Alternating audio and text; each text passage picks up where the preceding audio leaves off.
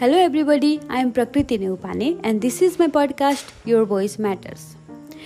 Here, we will talk about life.